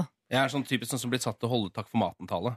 Det har jeg gjort i ut- adskillige bryllup. Det er den vanskeligste tallene, for du skal nevne all maten. Det er dritkjedelig, men det er liksom Ja. en del av greia. Ja, eh, ja. Nei, det De er joviale får den. Hmm? De, de joviale folka får den uh, oppgaven. ja, Takk. Ja. Linnea. Det er derfor, ja. Jeg tror det er derfor du får den. For du tenker at du kan si noe hyggelig om entrecôte. på en måte. Mm, mm. Jeg pleier å drikke meg veldig full Ja. og stå og snøvle talen. Ja. Og det funker nesten alltid. altså Mm. For deg, eller? Nei, for alle. Ja. Eh, da, altså, om folk ler mer av meg, så er det samme latter i uh, Latter er salen. latter. Ja, mm. Ja, ja, Det kan vel du skrive under på, Mads Elden? Jeg gjør det. I på min side hater folk som holder tøff maten-tale. Ja. I hvert fall sånn joviale. Ja. Men det jeg meg, eller jeg blir litt opptatt av altså, Hvem er det som forventer en tale av søster? Det har ikke har vært i mange bryllup, men det er ikke alltid at det liksom søsknene skal holde, med mindre de er ganske close. da Og det gjelder jo mange altså, Det er jo ikke alltid at det er far eller mor eller altså, ting der heller. Det er jo ingen skrevne regler her på hvem som skal holde tale. Jeg tror ikke det er så vanlig at søsken holder tale heller. Nei, Det første jeg tenkte, var ikke hold tale. Ja. Uh, jo færre taler, jo bedre bryllup. Ja. Mm. eh, er jo en første regel her. Um, og i hvert fall de talene som da ikke er personlige, og som ikke kommer fra hjertet, og som ikke kommer fra noe sted, og som ikke engang har en morsom anekdote, Mm. de burde man ikke ha. Vet du hva jeg syns? Jeg syns at det, det, det problemet hun sendte inn til oss, Mm. var den perfekte starten på en tale. Ja. Å starte med å si det. Vi har aldri hatt et bra forhold. Det har vært vanskelig. Ah. Jo, ja. Jo, Ja, Okay, jeg skal ikke Det her er, jeg lærte den oppskrifta her av Harald Eia en gang. Ja, at den- men han- Ok, ja, men Jo, jo, Den beste talen er den som starter med å si sånn eh, Du er sånn. Du er ne altså starte negativt. Sånn. Ja. Du er kjip, du er, du er sånn og sånn, og sånn, sånn og sånn. Men du betyr så mye for meg. Det er så, den, den gavene du har gitt til meg opp gjennom livet, har vært så store. Det er litt som the game, på en måte. Ja. Starte med å bryte ned, Ja, og så, negging, ja. negging, Mm, mm. og så bare snur du alt sammen og sier på tross av det, Åh, du er det viktigste. Så betrygget jeg ble nå over at han liker det, for sånn var alle talene i hans 50-årsdag. Og jeg syns det var litt vondt. Eh, Men hvis han liker det, så er jo det bra. Han liker det. Ja. Eh, Men, så, men hva er eh, vektinga da? Er det 70 dritt og 30 bra på slutten, eller? Nei, men det må jo på en måte Hvis man, går bort, hvis man tenker på det liksom Starter med det som teknikk da Og tenker liksom det, være, det er greit at det er negativt Så må det jo på en måte bare være ærlig At du kan for eksempel i den talen her si at Sånn har det vært, har, vi, vi har jo ordentlige forhold Det er basert på krangling og sånn og sånn Men kanskje det her kan være en start Mm. Kanskje fra noe av så kan vi være eh, Kan vi bli søstre Kanskje Ja. vi kan finne på i, Her er min gave til det Vi skal reise dit og dit sammen Og bare være søstre Snakke om fremtid istedenfor fortid, da. Det er ikke så dumt, for eh, fram til det der kom, så tenkte jeg at ikke holde tale var det beste forslaget. Men eh, hun sier jo også at vi har muligheten til å tenke litt på om vi skal lage en video eller lignende. Så jeg tenker at dere kan hente fram store ark, fargerike tusjer, ta på eh, hatter i forskjellige farger osv. Og, så videre, og bare skru til kreativiteten. Så skal dere få komme med noen forslag eh, etter eh, Ed Sheeran. Han eh, skal selvfølgelig da framføre sin eh, The A-Team. Lørdagsrådet På P3. P3 Synger han at engler kommer til å dø på slutten her? Angels will die. Ed Sheeran. Angels to die. Jeg vet ikke helt hva det betyr. jeg. To die. Ja. Det er en utrolig sterk eh, tekst. det er Ja, Den handler jo om det. eh, The A-Team. B.A. Baracus, uh, Murdoch og resten av gjengen som eh, Nei, det gjør den ikke. Nei, den gjør kanskje ikke Gjør den ikke det? Nei, ok, da liker jeg den ikke Det lenger. handler om en han er glad i som driver med narkotika og selger kroppen sin. Hæ? Ja, Men hør etter, da, mann. Men, men hva kommer The A-Team inn der for? Ja, Fordi hun gjerne vil være en av de, hun være en av de beste og får det ikke til. Eh, Så hun klarer ikke å prestere, så derfor doper hun seg og i kroppen sin. Hun får det ikke til. Og ansiktet hennes nå crumbles like pastry. Ja, det har jeg fått med. Skjønner du? At Ja. hele henne Som var en av de Hun var antakeligvis den fineste i klassen i niende. Pika i niende. eh, Var den mest populære gutten, eh, jenta blant guttene. Ja. Eh, ville bli enda penere. Uh, Tok silikon, begynte å snorte coca, og nå er det uh, crumbling like pastry. Oh, shit. Men er det sånn at du da da selger kroppen sin for å få råd til narkotika? Ja, Det er sant? veldig klisjert. Hun var jo ja. The A-Team. Hun var den fineste i klassen. Nå Mm. har hun blitt hore. Crack-hore. Shit, altså. Det er Det er en veldig sterk historie. Det er en veldig sterk historie. Han blitt en del av det What a guy. What a guy. F-team. Dere, eh, vi er midt i en eh, tale, egentlig. Eller er vi det? Det er en lillesøster som eh, merker at det forventes av henne at hun skal holde tale til sin storesøster i et bryllup. Men hun vet ikke, liksom, de har ikke et spesielt godt forhold, så hun har ikke så veldig lyst til å holde den talen. Og da er det jo lett å tenke at nei, da burde du kanskje la det være. Eh, Ja. Men la oss se om det fins noen alternativer som gjør at hun kan, hvert fall, om ikke holde tale, så i hvert fall bidra med noe i dette bryllupet, som potensielt kan bidra til at de blir bra søsken en dag. Mm. Eh, Du begynte jo, Mats, med en, eh, en formel som er riv ned og bygg opp. Ja, ja. Men det, går, jeg, i hvert fall, altså, det første man må kanskje finne ut av, er jo om hun er For det var litt vanskelig å skjønne om hun er likegyldig til, liksom, til, øh, til søstera. Om det er helt sånn Ja, der er du. Ja, det, jeg men- tror det. Ja, tror det. For hvis det er sånn, så tenker jeg ja, det er kanskje like greit å bare droppe å, å holde tale. For det er litt vanskelig å stå der og si sånn Ja, der er du, et menneske. Kjøtt og blod og bein og eh, kunne like godt Vi lo av det, da. Det er ikke så dumt. Ligner litt på meg. etter, Jeg veit ikke hvor veien går videre etter det. Eh, mens hvis det er sånn at du faktisk, sånn som jeg forsto det, har litt lyst til har lyst på et forhold til søstera si, og klarer å snakke om det liksom, Vårt forhold har vært sånn og sånn, og uten at hun legger skyld på søstera og sier sånn 'Du burde vært det', og sånn storesøstera, men klarer å snakke om at vi har vært sånn, og litt fram og tilbake, og opp og ned, og, og eh, kanskje, eh, kanskje det her kan være et, en eh, vei videre for oss. Så tror jeg det kan være en veldig fin eh, tale, altså. Å bruke det ønsket om å finne sammen og være søstre Hva Men med ikke snakke om sånn- fortida i det hele tatt, da? Og ta den typiske sånn Gå inn og si uh, På Wikipedia står det at en storesøster er Jo, jeg vet at det er dårlig, men så legge på noe sånn uh, emo på slutten der som er at det er dette jeg ønsker for framtiden, at vi to bla, bla, bla. Ikke si noe om fortiden heller. Bare ha noen visjoner om framtiden. Skal det handle om altså Når det er et bryllup, da, så skal det kanskje ikke handle om dem to og deres forhold, hva de skal videre i livet. Det handler jo faktisk om hva hun og mannen skal gjøre. Altså. Selvfølgelig litt innslag av familie og minner og alt mulig sånn, men eh, man skal liksom ikke steal the show heller, som Kygo sier. Det skal ikke handle om Du sitter nå og eh, siterer Kygo, du vet det. Jeg skrev akkurat Kygo på lappen her. med hjertet rundt. Ja. Eh, men nei, Den skal ikke handle om lillesøster, men den skal jo handle om storesøster. Og det fins jo nevne han mannen og sånn, men det, det trenger ikke å handle om de to som par. Alle talene kan ikke handle om det. Nei, Det skal handle om ja. storesøsteren, og hvem hun vil at storesøsteren skal bety være for henne, kanskje. da i mm. Men Ja, hun men nevner også vil- video og sånn. krav da, på, på eh, bryllupsdagen. Ja, masse krav. Sånn, nå, og så- og så- nå skal vi reise på ferie, og sånn, så begynner hun å grue seg, hovedsøstera. Bare sånn. Ja. Ei. ai, ai. Ja. det tenkte jeg ikke på. Men jeg, som Mats også sier, da, så, tenker, så tenker jeg at Ok, en ting, Enten er du likegyldig til søstera di, eller så har du lyst til å ha et eller annet forhold. Jeg tenker jo at er jo liksom derre ja, I oss alle så har vi jo lyst å omgås med familien vår på en ok måte. Sjøl om det Altså, nå er kanskje du unntak for regelen, men eh, jeg tror et eller annet sted inni det også, Siri, så er det et eller annet kanskje som Ja, men herregud, jeg skal opp og spille fotball med broderen. Dette, det sånn. Ja, ja, ja. Men, eh, men eh, at eh, Jo, at man liksom kan få det, løse det, eller at man har lyst å løse det et eller annet sted. Da. Men da må du grave ganske langt fram, og da må du ha en god plan og tale. det. Da kan ikke du bare liksom fra et eller annet sted fra fra, skifte fra hofta og ja, Mm. Se hvor det ender, liksom. Da må du ha en plan med det. Vi skal runde av, men jeg bare lurer på om dere har noen eh, korte, konkrete tips på andre ting hun eventuelt kan gjøre. Hvis vi sier at uh, tale er fint hvis du har noen ønsker og noen Sang. tanker om framtiden. og sånn. Er det noe annet hun kan gjøre? Kan synge. Synge, finne en eller annen sånn ting fra barndommen. Ja. Finne, finne en sånn gave hun fikk fra søstera si da hun var liten, eller ta, liksom finne et eller annet sånn, det kan være sånn symbol på forholdet dem imellom. Eller, Gammel skolestil eller et Ja, ja, ja. brev eller ja, noe yes, sånt? ja, det her skrev hun da hun var liten, og sånt Og det kan være morsomt å ha med Ja. det, for det George, eh, australieren som storesøstera skal gifte seg med. I Det hvert høres ut som eh, det, du har noe vondt i din kan egen eh, familie du vil snakke med seinere, Mats. Men det kan være viktig å holde seg tror jeg, unna video. Det er mye dyrere enn man tror. Det tar mye lengre tid og blir mye dårligere enn det man trodde Ja. det skulle bli før man satte i gang. Og så blir det masse knot teknisk fordi det ikke er Ja, lyd, og så ja, må man spille ja. en gang til. Ikke- Og, ikke. Improteater. leie, leie inn en dude fra det andre teateret. Ja, det er bra. Jeg har tatt med meg fyrene her. Ja. Nå skal han ordne opp for Ja. oss. To av tre. Da kommer. Mats inn og sier sånn Du er jo kjøtt og blod som meg. Og tar den greia di. Ok, eh, kjære lillesøster.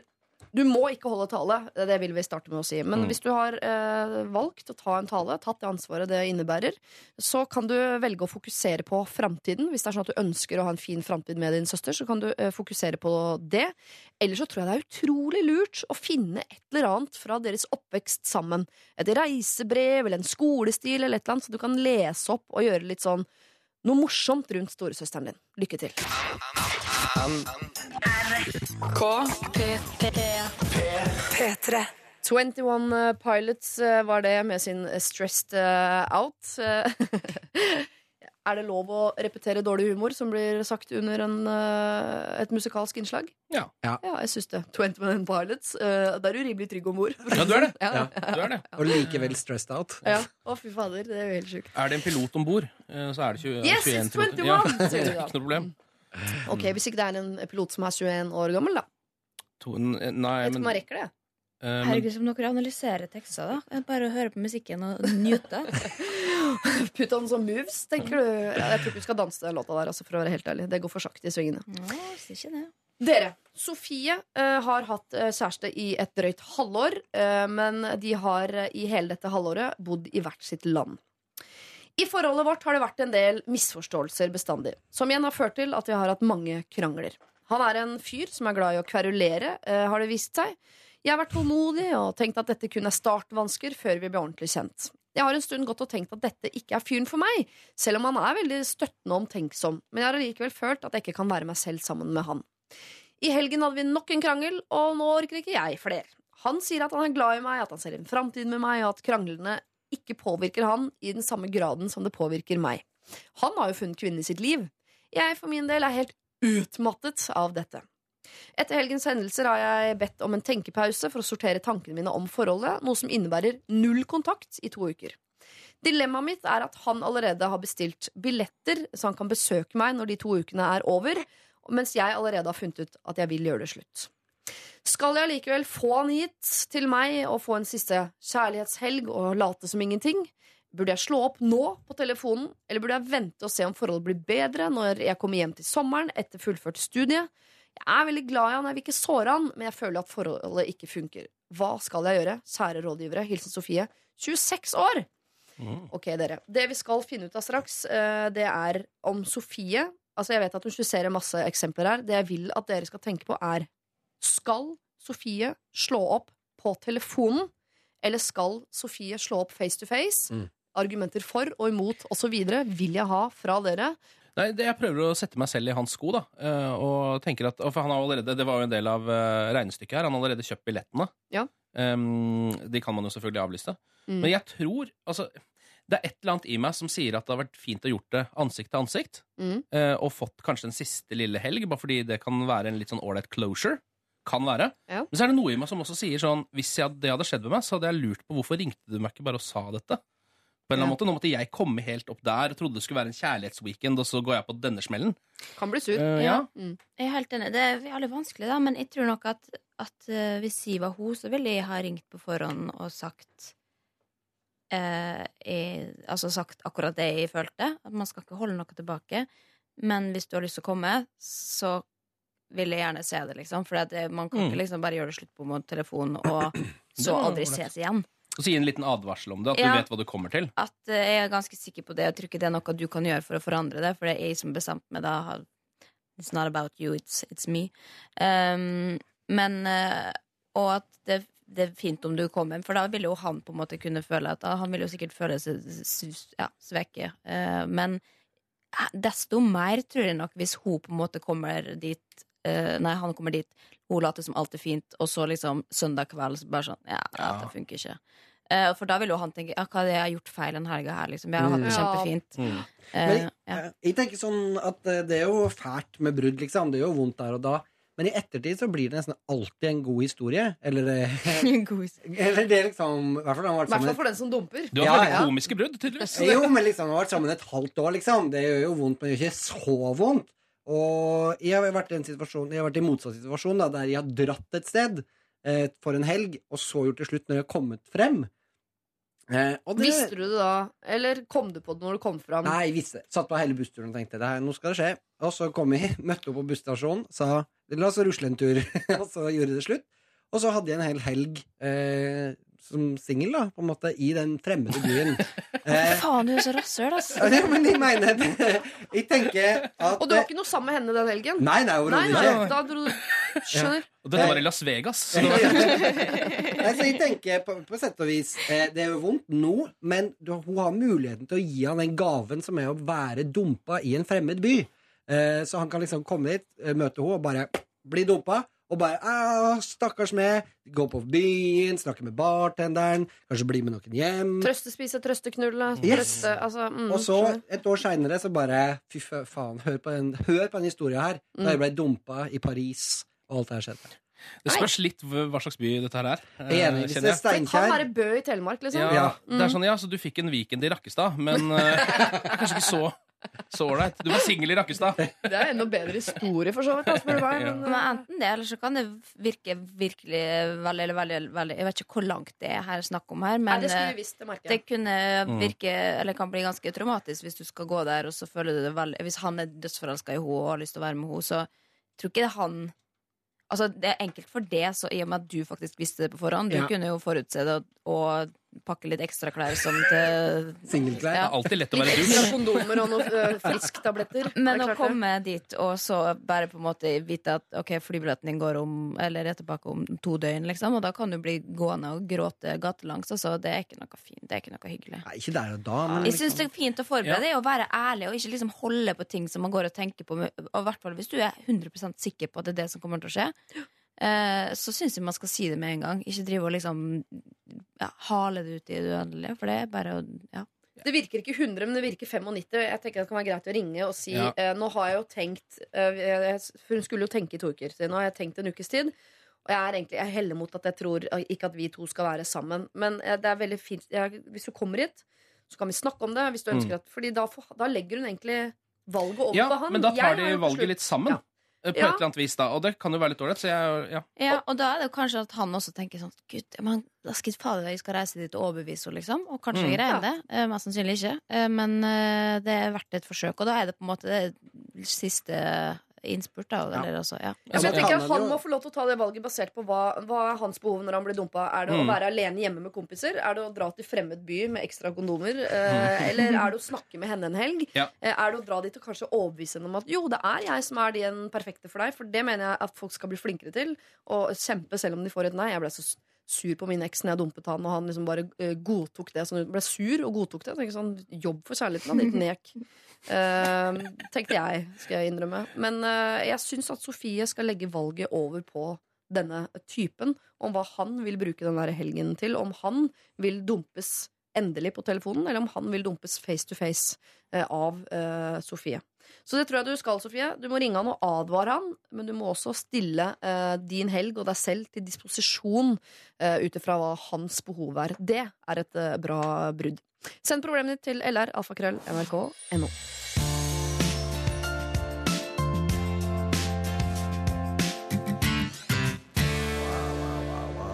Rihanna sammen med Drake. Uh, Work heter denne låta. Det syns jeg er eh, litt um, rart at den heter Work, for det høres ut som det motsatte av det som bedrives i denne. Det virker som bare har gitt opp helt, lagt seg bakpå i saccosekken. Bare, Ja. Jeg bare synger noe. Ta opp, da. Jeg skal synge. Ble, ble. Det er så lite arbeid. Men noen ganger ligger det masse arbeid bak. Jo, men det er visst et ikke- visst språk. Dette. Jeg husker ikke helt hva det heter, men det er en slags sånn derre det, det er ikke bare liksom bla, bla, bla. Det er Det er et land hvor de snakker sånn. Ikke et land, men det er visst en liksom, slags dialekt. Men bruker du ikke ordene blæ, blæ, blæ inni her et eller annet sted? Jo, det gjør hun sikkert også, men det er Det er jo såkalt Altså, det- gibberish. Ja. Og det er jo ikke et ekte språk. Eh, Nei, men det er visst det, det, Det er dialekt. Ja, jeg har ikke lest meg Ja. helt opp på det, men eh, hvis du kaller det gibberish, så er det feil. Ok. ok! Men eh, ja, vi lar det ligge. Men jeg fall det høres ut som eh, Rihanna, uansett hvilken dialekt hun bruker her. Det virker ikke som eh, eh, Hun må ikke liksom ha energidrikk før hun framfører denne låta her. Det er greit å legge seg litt bakpå når du framfører. Eh, dere, en ting jeg ikke vet om dere har opplevd Jo, jeg vet at dere har opplevd dette. Det er derfor det er så deilig å kunne gi råd i det neste problemet, for her vet jeg at dette er noe vi alle har opplevd. Hei, kjære Lørdagsrådet. Jeg har et problem jeg håper dere kan hjelpe meg med umiddelbart. Jeg bor i Bergen og akkurat møtt en fyr. Vi har vært på et par dater før vi etter en fuktig kveld på byen endte med å ligge med hverandre. Vi hadde ganske bra sex. Det kan potensielt bli veldig bra, tror jeg. Og jeg syns generelt han er en utrolig fin og sjarmerende fyr, og har veldig lyst til å eh, se mer til han. Her kommer problemet. Jeg klarte å prompe med lyd to ganger i løpet av den natten vi sov sammen. Jeg er ikke av typen som promper spesielt mye til vanlig. Har godt kosthold og den slags. Jeg har egentlig aldri opplevd dette før, eh, som jeg opplevde denne natten. Jeg sov litt halvgodt og mer eller mindre eh, våknet jeg selv av at jeg prompet. Og jeg er ikke prippen, men skulle liksom ønske at dette ikke skjedde første natta vi lå sammen. Spesielt siden det aldri pleier å skje ellers. Jeg håper i det lengste at han sov og ikke hørte noe til det, men morgenen etter sa han at han hadde sovet veldig dårlig. Ja, nesten ingenting i det hele tatt. Og hele morgenen var jeg reservert og rar fordi jeg følte meg så ekkel og teit og følte at jeg eh, hadde mistet litt selvtillit i denne relasjonen. Så Lørdagsrådet, hva burde jeg gjøre? Burde jeg prøve å slette dette fra minnet? Hva ville dere tenkt hvis dama dere tok med hjem eh, prompet to ganger mens du sov allerede første natta? Jeg håper å høre dere drøfte problemet litt. Elsker Lørdagsrådet. Vi får se, da. Vi får se, da.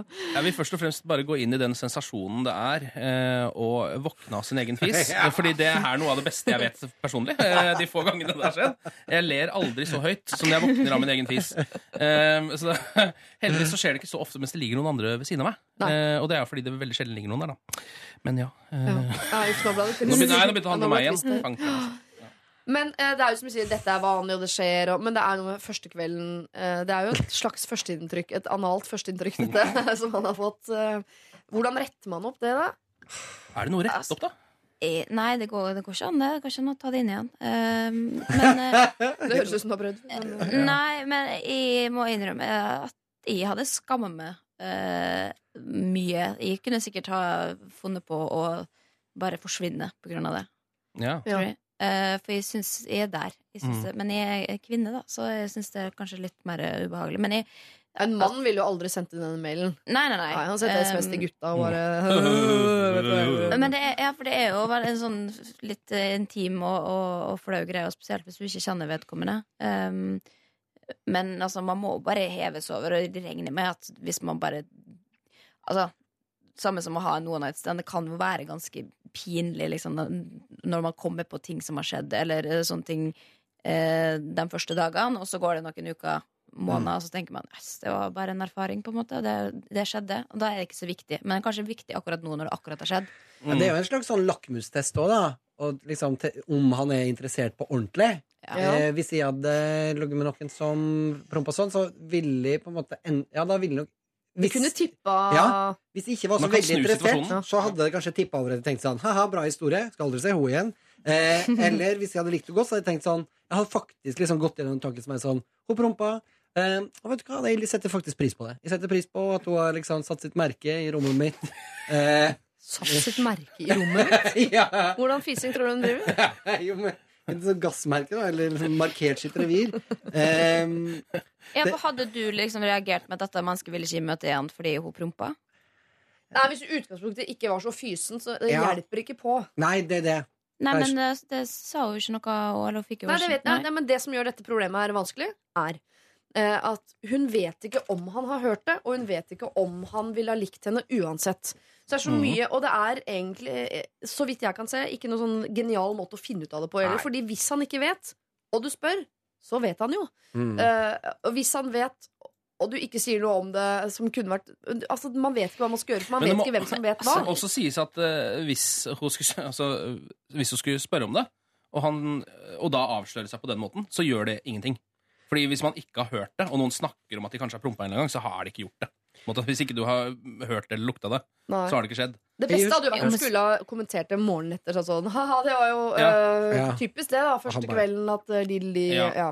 Men det er for seint. Nei, man kan ikke, og nå er det i hvert fall for sent. Du skal ta det opp tre uker etterpå. Sånn, «Eh, du husker den? Altså, da jeg hørte du Altså, Ja, er ikke det for seint? ja, det er så for seint, det. Jeg husker en gang jeg gikk på, jeg gikk på kickboksing da jeg gikk på ungdomsskolen. Ja. Og da, eh, under styrketrening, eh, en øving, så måtte de ta i så hardt at de prompa. Ja. Eh, og så tenkte jeg ingen la, merke til det. Neste time så var det navneopprop. Så kom mitt navn. Liksom, Mats Eldøen. Og så var det en av gutta en av liksom, For alle var liksom fem år eldre enn meg. Sa sånn Og da bare reiste jeg meg opp og gikk. Kom aldri tilbake. Så eh, det finnes en måte du kan ligge med han igjen, prøve å ligge med den, og hvis han begynner å gjøre sånn Hvis han begynner å lage prompelyder, så veit hun at han har lagt merke til det, og da kan du reise seg opp og gå. Jo, jo, men det er jo altså Det er jo så vanlig altså, Jeg vil si legg det bak det. Get over it, liksom. Det er ikke så jævla viktig. Og bare i hvert fall gi, et, gi et forsøk til. Prøv, prøv å ligge med det en gang til, uh, uten å prompe. Uh, og så, hvis ikke han har lyst til det i utgangspunktet engang, så må man jo bare ta det, Jeg tror ikke det er prompinga som har noe å si for hvem du velger som, som partner, altså. Jeg tenker Det man kan bruke den fisen til her, er uh, Fordi jeg tenker at toget har litt godt for å gjøre dette her til en sånn uh, morsom ting. Sånn, Ja, og finne ja. ut av stille spørsmål og sånn. Det tror jeg ikke, dette er ikke en samtale dere skal ha på noe som helst tidspunkt. Med mindre dere blir sammen, og det blir, er gøy om et år. Men det du kan bruke dette til, er at du sjekker sånn uh, du, Ikke tenk noe mer på den fisinga. Sjekk om dere møtes igjen. Eh, og gjør dere det, så lar du det bare ligge og se hvordan det går. Liker han deg, så liker han deg jo, alt er, eh, er fint. Uh, hvis han ikke vil treffe deg igjen, så ville jeg mentalt brukt sånn Han elsket meg jo, jeg er jo et fantastisk menneske. Det var den fisen som ødela. Så hadde jeg brukt det i, i mitt eget sinn til å forklare hvorfor ikke denne mannen elsket gudinnen, meg selv. Uh, det hadde jeg bare mentalt for å komme meg gjennom det on top of things, på en eller annen måte. Så um, du har hørt oss drøfte det. Vi har ikke noen metoder du kan bruke for å få dette bort. Um, jeg tror heller ikke samtale er veien å gå her. Her tror jeg du bare skal late som ingenting, og eventuelt da, uh, hvis det ikke blir noe mer, bruke det som en deilig unnskyldning. P3. Så er det Lørdagsrådet. Jeg tror foreldrene mine er på nippet til å skilles. De sover blant annet på ulike rom og diskuterer typ hele tida. De blir stille hver gang jeg kommer inn i rommet, og når jeg spør hva de prater om, så sier de at det gjelder ikke meg. Ja vel, tenker jeg. Voksenprat er jo greit, det, men jeg blir jo så klart mistenksom. Mistenksomheten nådde sitt klimaks da jeg fant en liste på mobilen til min mor der det sto skrevet hva hun savner i en mann. Kommunikasjon, følelser osv. Dere skjønner tegninga. Problemet er hvordan skal jeg spørre om og tilnærme meg forholdet deres? Jeg er utrolig konfliktsky. Enda mer når det gjelder familie og slektninger, og jeg vil jo ikke såre dem. Så hva skal jeg gjøre? Hilsen jente 17. Ja. Det er jo vondt, eh, og det er sikkert veldig mange som opplever at de merker at det, er, det skjer noe med mamma og pappa. Eh, De så på hvert sitt rom. eh, Skal de flytte fra hverandre osv. Og, så og det er vel typisk at foreldre tenker at det har ikke du noe med, men hun Mm. har jo det. det ja. Jeg er jo skilsmissebarn eh, selv. Eh, eller det vil si, de var ikke gift i utgangspunktet. Så jeg er bare Skål er ba en av de ba bastard Ja. slag. Ehm, men og det jeg jo merka, er at uansett i en sånn situasjon så er man jo eh, Man har jo ingen mulighet til å påvirke resultatet, egentlig. Nei. Og hvis man begynner å prøve på det, så er ikke det til det, til det positive, tror jeg. Um, altså, hvis man går inn i en sånn situasjon og begynner å liksom sånn ja, men hvis dere Og begynner å legge press på dem på et eller annet vis, sånn som man fort kan gjøre når man har Mm. barn. Bare sånn, Da vil jeg aldri være hos pappa, for eksempel. Ja. Mm. blir han kjempelei seg, og så blir alt bare mye verre. Fordi man prøver å tenke sånn Hvis jeg sier disse tingene nå, så kommer de aldri til å gå fra hverandre. Fordi det tør de ikke da. Men det er jo altså Det blir litt sånn at det, det er Det er jo din sak, fordi du vil jo måtte leve med dette resten av livet, du også. Men du har egentlig ikke noe Du får ikke gjort noe med den situasjonen, da. Så det Mm. å begynne å, å engasjere seg for mye den tror jeg kanskje ikke er så lurt. Ja, men det er ikke sikkert hun ønsker å gjøre noe med den, men hun ønsker å vite litt sånn Ok, hvordan ser mitt neste år ut? Er, er Mm. potensielt sånn T-banen opp eh, til eh, Romsås annenhver uke? Eller altså man Ikke bare logistikk, altså, men man lurer på liksom Hva er det som skjer med familien min her? Mm. Det kan være greit å liksom ha med seg at Altså, sånt skjer jo i alle forhold. Eh, om man er litt sånn i, nye forhold eller har holdt på lenge. Så møter man jo sånne eh, På engelsk heter det rough patch. Eh, Vanskelige perioder. Vanskelig periode heter det på norsk. Mm. Eh, og at det ikke nødvendigvis trenger å bety at man skal skilles. De så på ulike rom. Jeg bare nevner det. Jo, jo, jo. Jo, men altså, det liste. kan jo løse seg. Mm. Absolutt. Så det er jo ikke nødvendigvis at hun trenger liksom å Ja. bringe på bane at uh, skilsmisse er en mulig vei å gå. Mm. Men det, at hun kan ta opp med foreldrene sine at hun syns det her er vrient. At hun ikke blir innlemma i problemet, eller Mm. bare Ja, og at- at du sier at jeg tenker mye på det, jeg er bekymra. Kan Mm. noen bare gi meg liksom Altså ikke fortell meg og brette ut om hva dere syns er vanskelig, eller sånne ting, men bare gjør meg litt trygg på at jeg kan liksom sove trygt, eller godt om natta, da. Eh, at man bare sier hvordan du føler det, ikke nødvendigvis hvordan føler dere det, for du skal ikke være psykologen heller. Mm. Jeg kan jo ingenting om, om skilsmisse, for jeg har ikke, har ikke hatt noe sånt sjøl, heldigvis. Men, eh, men eh, hvis det går utover hun og hennes hverdag, så må jo hun på en måte snakke om i hvert fall med én av dem, tenker jeg. Mm. Ja. Det kan være lurt å gjøre, så vet man jo ikke her. Det kan jo godt hende at den lista for eksempel, over ting som eh, hun ser etter i en mann, at det er en sånn som hun har skrevet fordi hun vil nevne det overfor mannen sin. Ja, Eh, eller også- dette er en liste over ting jeg savner i mannen min, som vi må jobbe ja, med. ikke sant? Så det er ikke ja. sikkert at det er ikke nødvendig, altså Det kan godt hende at de har en kommunikasjon her eh, som kanskje kan være positiv i lengden, Ja. men at den framstår veldig røff for henne. Ja, det er kanskje samlivsterapeuten som har bedt om å skrive Mm. en sånn liste. Ja, Det det, hadde vært verre hvis i og med at hun likevel var inne på mobilen hennes, som jeg ikke forstår hvorfor, eh, kunne hun funnet SMS-er til andre Mm. menn der, liksom. Det kunne vært ganske mye verre, så dette er jo bare en måte å løse det på, kanskje, da. At man liksom istedenfor å bare gi opp med en gang. Altså, samliv er jo jævlig vanskelig. Folk blir jo lei av hverandre, og å holde ut resten av livet er jo på en måte kanskje ikke så vanlig lenger, sånn som det var før heller. Så at, En voksen, ja. smart dame sa en gang kjærligheten må jobbes med hver eneste dag. Selv når den er god, så må man jo det. Hvis ikke så går det på et eller annet tidspunkt uh, dårlig. Var Sånn det- det bare. Var det du? Nei, absolutt ikke meg. En mye eldre og mye smartere dame enn uh, meg. Men uh, så er det deg, jente 17. Jeg tror um, for det første det er ikke så mye du får gjort fra eller til her på resultatet. Og jeg vil også si at om de skilles, så er ikke det heller så farlig. Jeg elsket at mutter'n og fatter'n eh, gikk fra hverandre. De ble mye lykkeligere hver for seg, og man kunne ha pappa for seg selv og mamma for seg selv. Sånn, så det var helt tipp topp. Eh, og det kan også hende at det ikke skjer, at de er i en prosess nå hvor de tenker det er ikke noe vits i å involvere deg, fordi vi har ikke svar på noen spørsmål. Så da åpner vi heller ikke opp. Man åpner jo ikke opp for spørsmål før man tenker at man har noen svar. Men det jeg syns du kan gjøre, er at du sier noe om hva du føler, og at du minner dem på at dere må gjerne involvere meg i prosessen her. For foreldre har en tendens til å glemme at barn skjønner mer enn det de tror. Så du kan minne dem litt på det, at du også er et menneske med følelser, og at du også er et menneske med hjerne som er i stand til å forstå ting, og er i stand til å se andres følelser. Det tror jeg du kan ta en runde på. Dette er Lørdagsrådet P3. Ukas låt på P3, dette er Paper Thin, og det er selvfølgelig da Astrid S som uh, synger. Eh, Vi skal uh, kaste oss inn i uh, det som antageligvis blir morgenens siste problem. Så uh, Linnea Myhre, Ken Vasenus Nilsen og Mats Eldøen, her er det bare å notere hvis dere vil. Det er rart å begynne med det, egentlig. når jeg ikke har gjort det så langt. Men Ja, alle vi gjør det. Ja, gjør det. Men Linnea skriver bare Linnea, Linnea, Linnea og Kygo, Kygo, Kygo, Kygo, på, på sitt ark. Bare så det er sagt. Hei dere, jeg har et lite dilemma. Jeg har vært sammen med en helt fantastisk gutt i over to år, og vi snakker om å snart flytte sammen. Men problemet er dette. Vennene mine, øh, venninnene mine, står det, liker han ikke. En av venninnene mine fortalte meg dette på en fest vi var på, at de annet hadde diskutert dette i bursdagen min en måned tilbake. Noe som øh, forklarer hvorfor de hadde låst seg inne på badet i over en time. Jeg kan skjønne at han kan være litt cocky i møte med nye folk, men det eh, vet jeg bare er fordi han blir stressa i sosiale situasjoner med nye mennesker, noe han selv har sagt at han sliter med. Likevel er det jo blitt bedre med tiden, og problemet er eh, når eh, en av venninnene mine inviterer meg med på ting, så er det alltid bare meg de inviterer, og aldri oss. Likevel har de som oftest med seg sine kjærester. Dette er jo også et problem, da jeg ikke føler at de blir skikkelig kjent med han og ser den fantastiske fyren som jeg ser. For eksempel spurte en av de om jeg ville være med til Spania i sommer. Da var det altså fire vennepar som var invitert, pluss meg. Ikke meg og min kjæreste.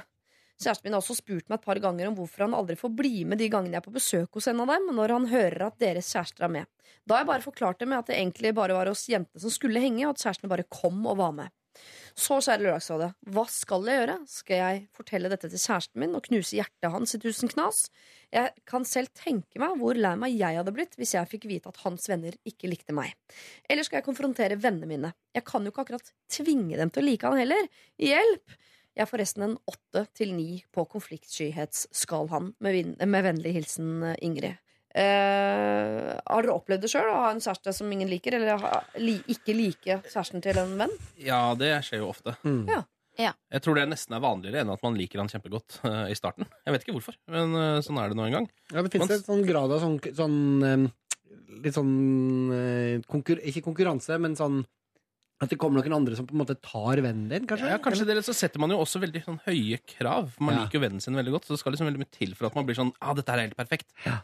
Tror Ja, og det handler jo noe altså, eh, Som regel når du får deg kjæreste, så forsvinner du jo litt fra vennegjengen generelt. Men Ja. hvis, selvfølgelig hvis alle har kjærester, sånn, så er det naturlig å, å gå på parmiddag og den slags.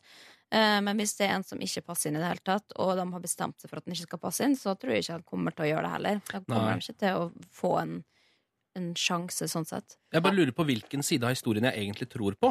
Eh, altså oh, ja. om han er en ganske douchey, veldig cocky fyr, Mm. eh, og det er derfor de ikke liker han.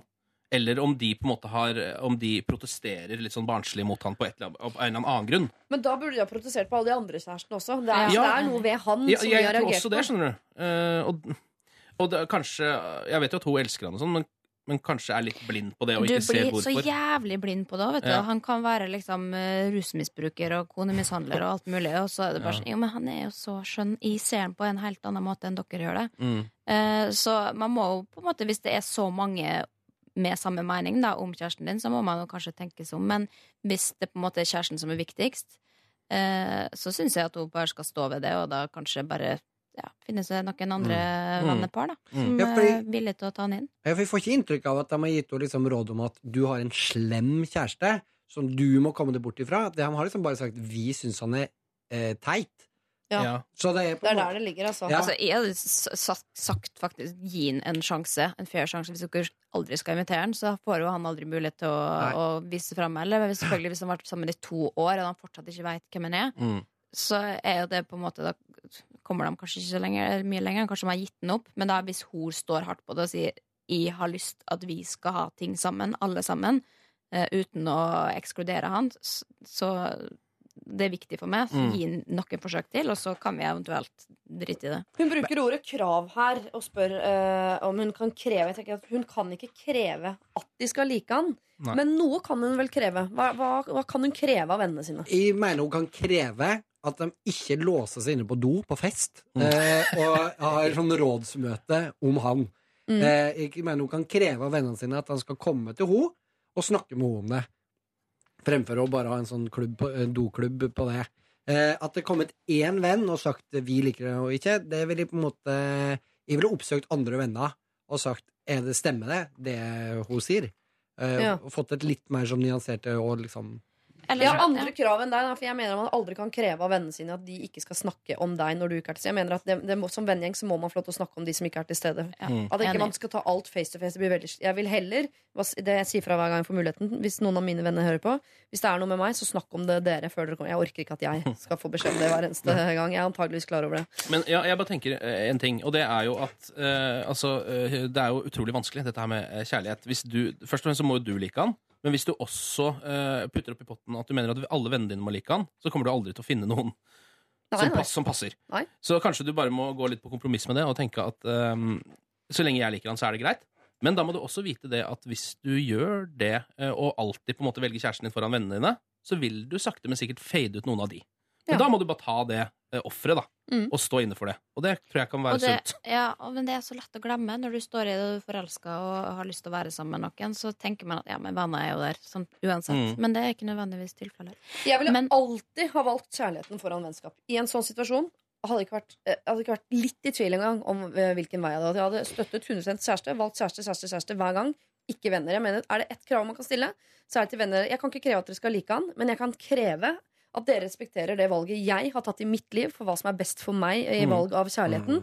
Så når dere inviterer meg, så betyr det at dere inviterer oss. mm.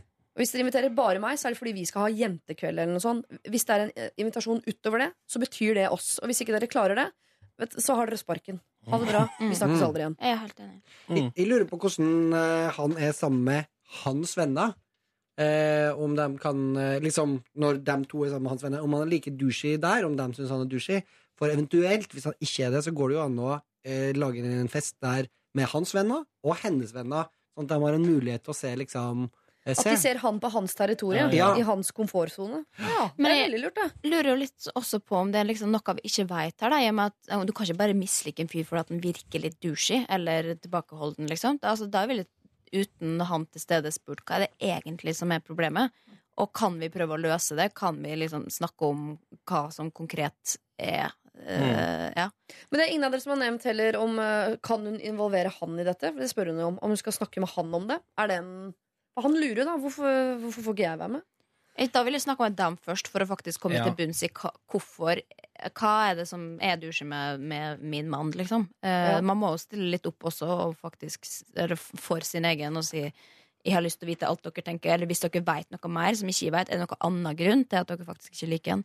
Mm. Eh, for det kan jo selvfølgelig være at det, han har ligget med en eller annen Anna som altså, La oss ikke håpe det. Nei, eh, men, Men jeg, skjønner, jeg skjønner at hun være. er redd for å såre han, og det er man, man vil jo ikke såre folk. Men i den prosessen her så er det ofte at man glemmer at eh, å såre litt er bedre enn at, at en skal gå rundt og lure på ting lenge. Jeg vil heller ha en sånn liten eh, vond greie enn å gå rundt og være usikker veldig veldig lenge. Så kan nok hende, hvis, han, hvis det plager han, at hun skal involvere han i hele greia. Det vil i hvert fall jeg, sånn at de er et team i dette her, istedenfor at det er hun som må drive og lobbe på vegne av han. Og han, han har jo ikke muligheten til å gjøre noe når ikke han veit om problemet. Så hun må slutte, må slutte å lobbe på hans vegne, eller dumpe vennegjengen. Dette er P3. Dette er P3. Fifth Harmony uh, Work From Home har vi uh, hørt, og vi skal dele ut en kopp her i Lørdagsrådet nå. Mats Eldøen, Ken Vasenius Nilsen og Linnea Myhre, dere uh, har i dag gitt råd både om tatoveringer, hvor mye penger man kan ta før man må melde det til politiet hvis man finner, eh, hvordan holder man tale til en man ikke liker, eh, kan man slå opp på telefonen eller må man gjøre det face to face, Ah, hva gjør jeg når jeg lurer på at mamma og pappa eh, skal skilles, osv. Men de to dere kan velge mellom når det nå kommer til kopp, det er altså uh, Julie og Ragnhild som sendte inn hvert sitt problem, som syns det er vanskelig å stå på uh, utsiden, være venn uh, til en som har psykiske problemer, når man ikke vet eh, hvordan man skal klare å hjelpe. Eller så kan dere velge å gi kopp til Charlotte, som var så uheldig på eh, første date, som endte i sengen, og eh, våkna av sin egen fis to ganger i løpet av natten. Og nå vet hun ikke om han vet det, om hun skal si det til han, eller eh, om det på en måte eh, hva han har tenkt om dette. Hvem fortjener kopp, tenker dere? Det er jo to veldig forskjellige kandidater, men uh, hvor ligger hjertet deres? Det kommer til å si så mye om meg eh, om jeg nå uh, velger sexfis uh, foran altså et alvorlig psykisk problemrådgivning. Ja, det gjør det. Ja, det gjør det. Jeg går for sexfis, jeg. Men, men er dette psykisk helseproblemet? For da er det jo to, er to kopper. Two, two girls, one cup.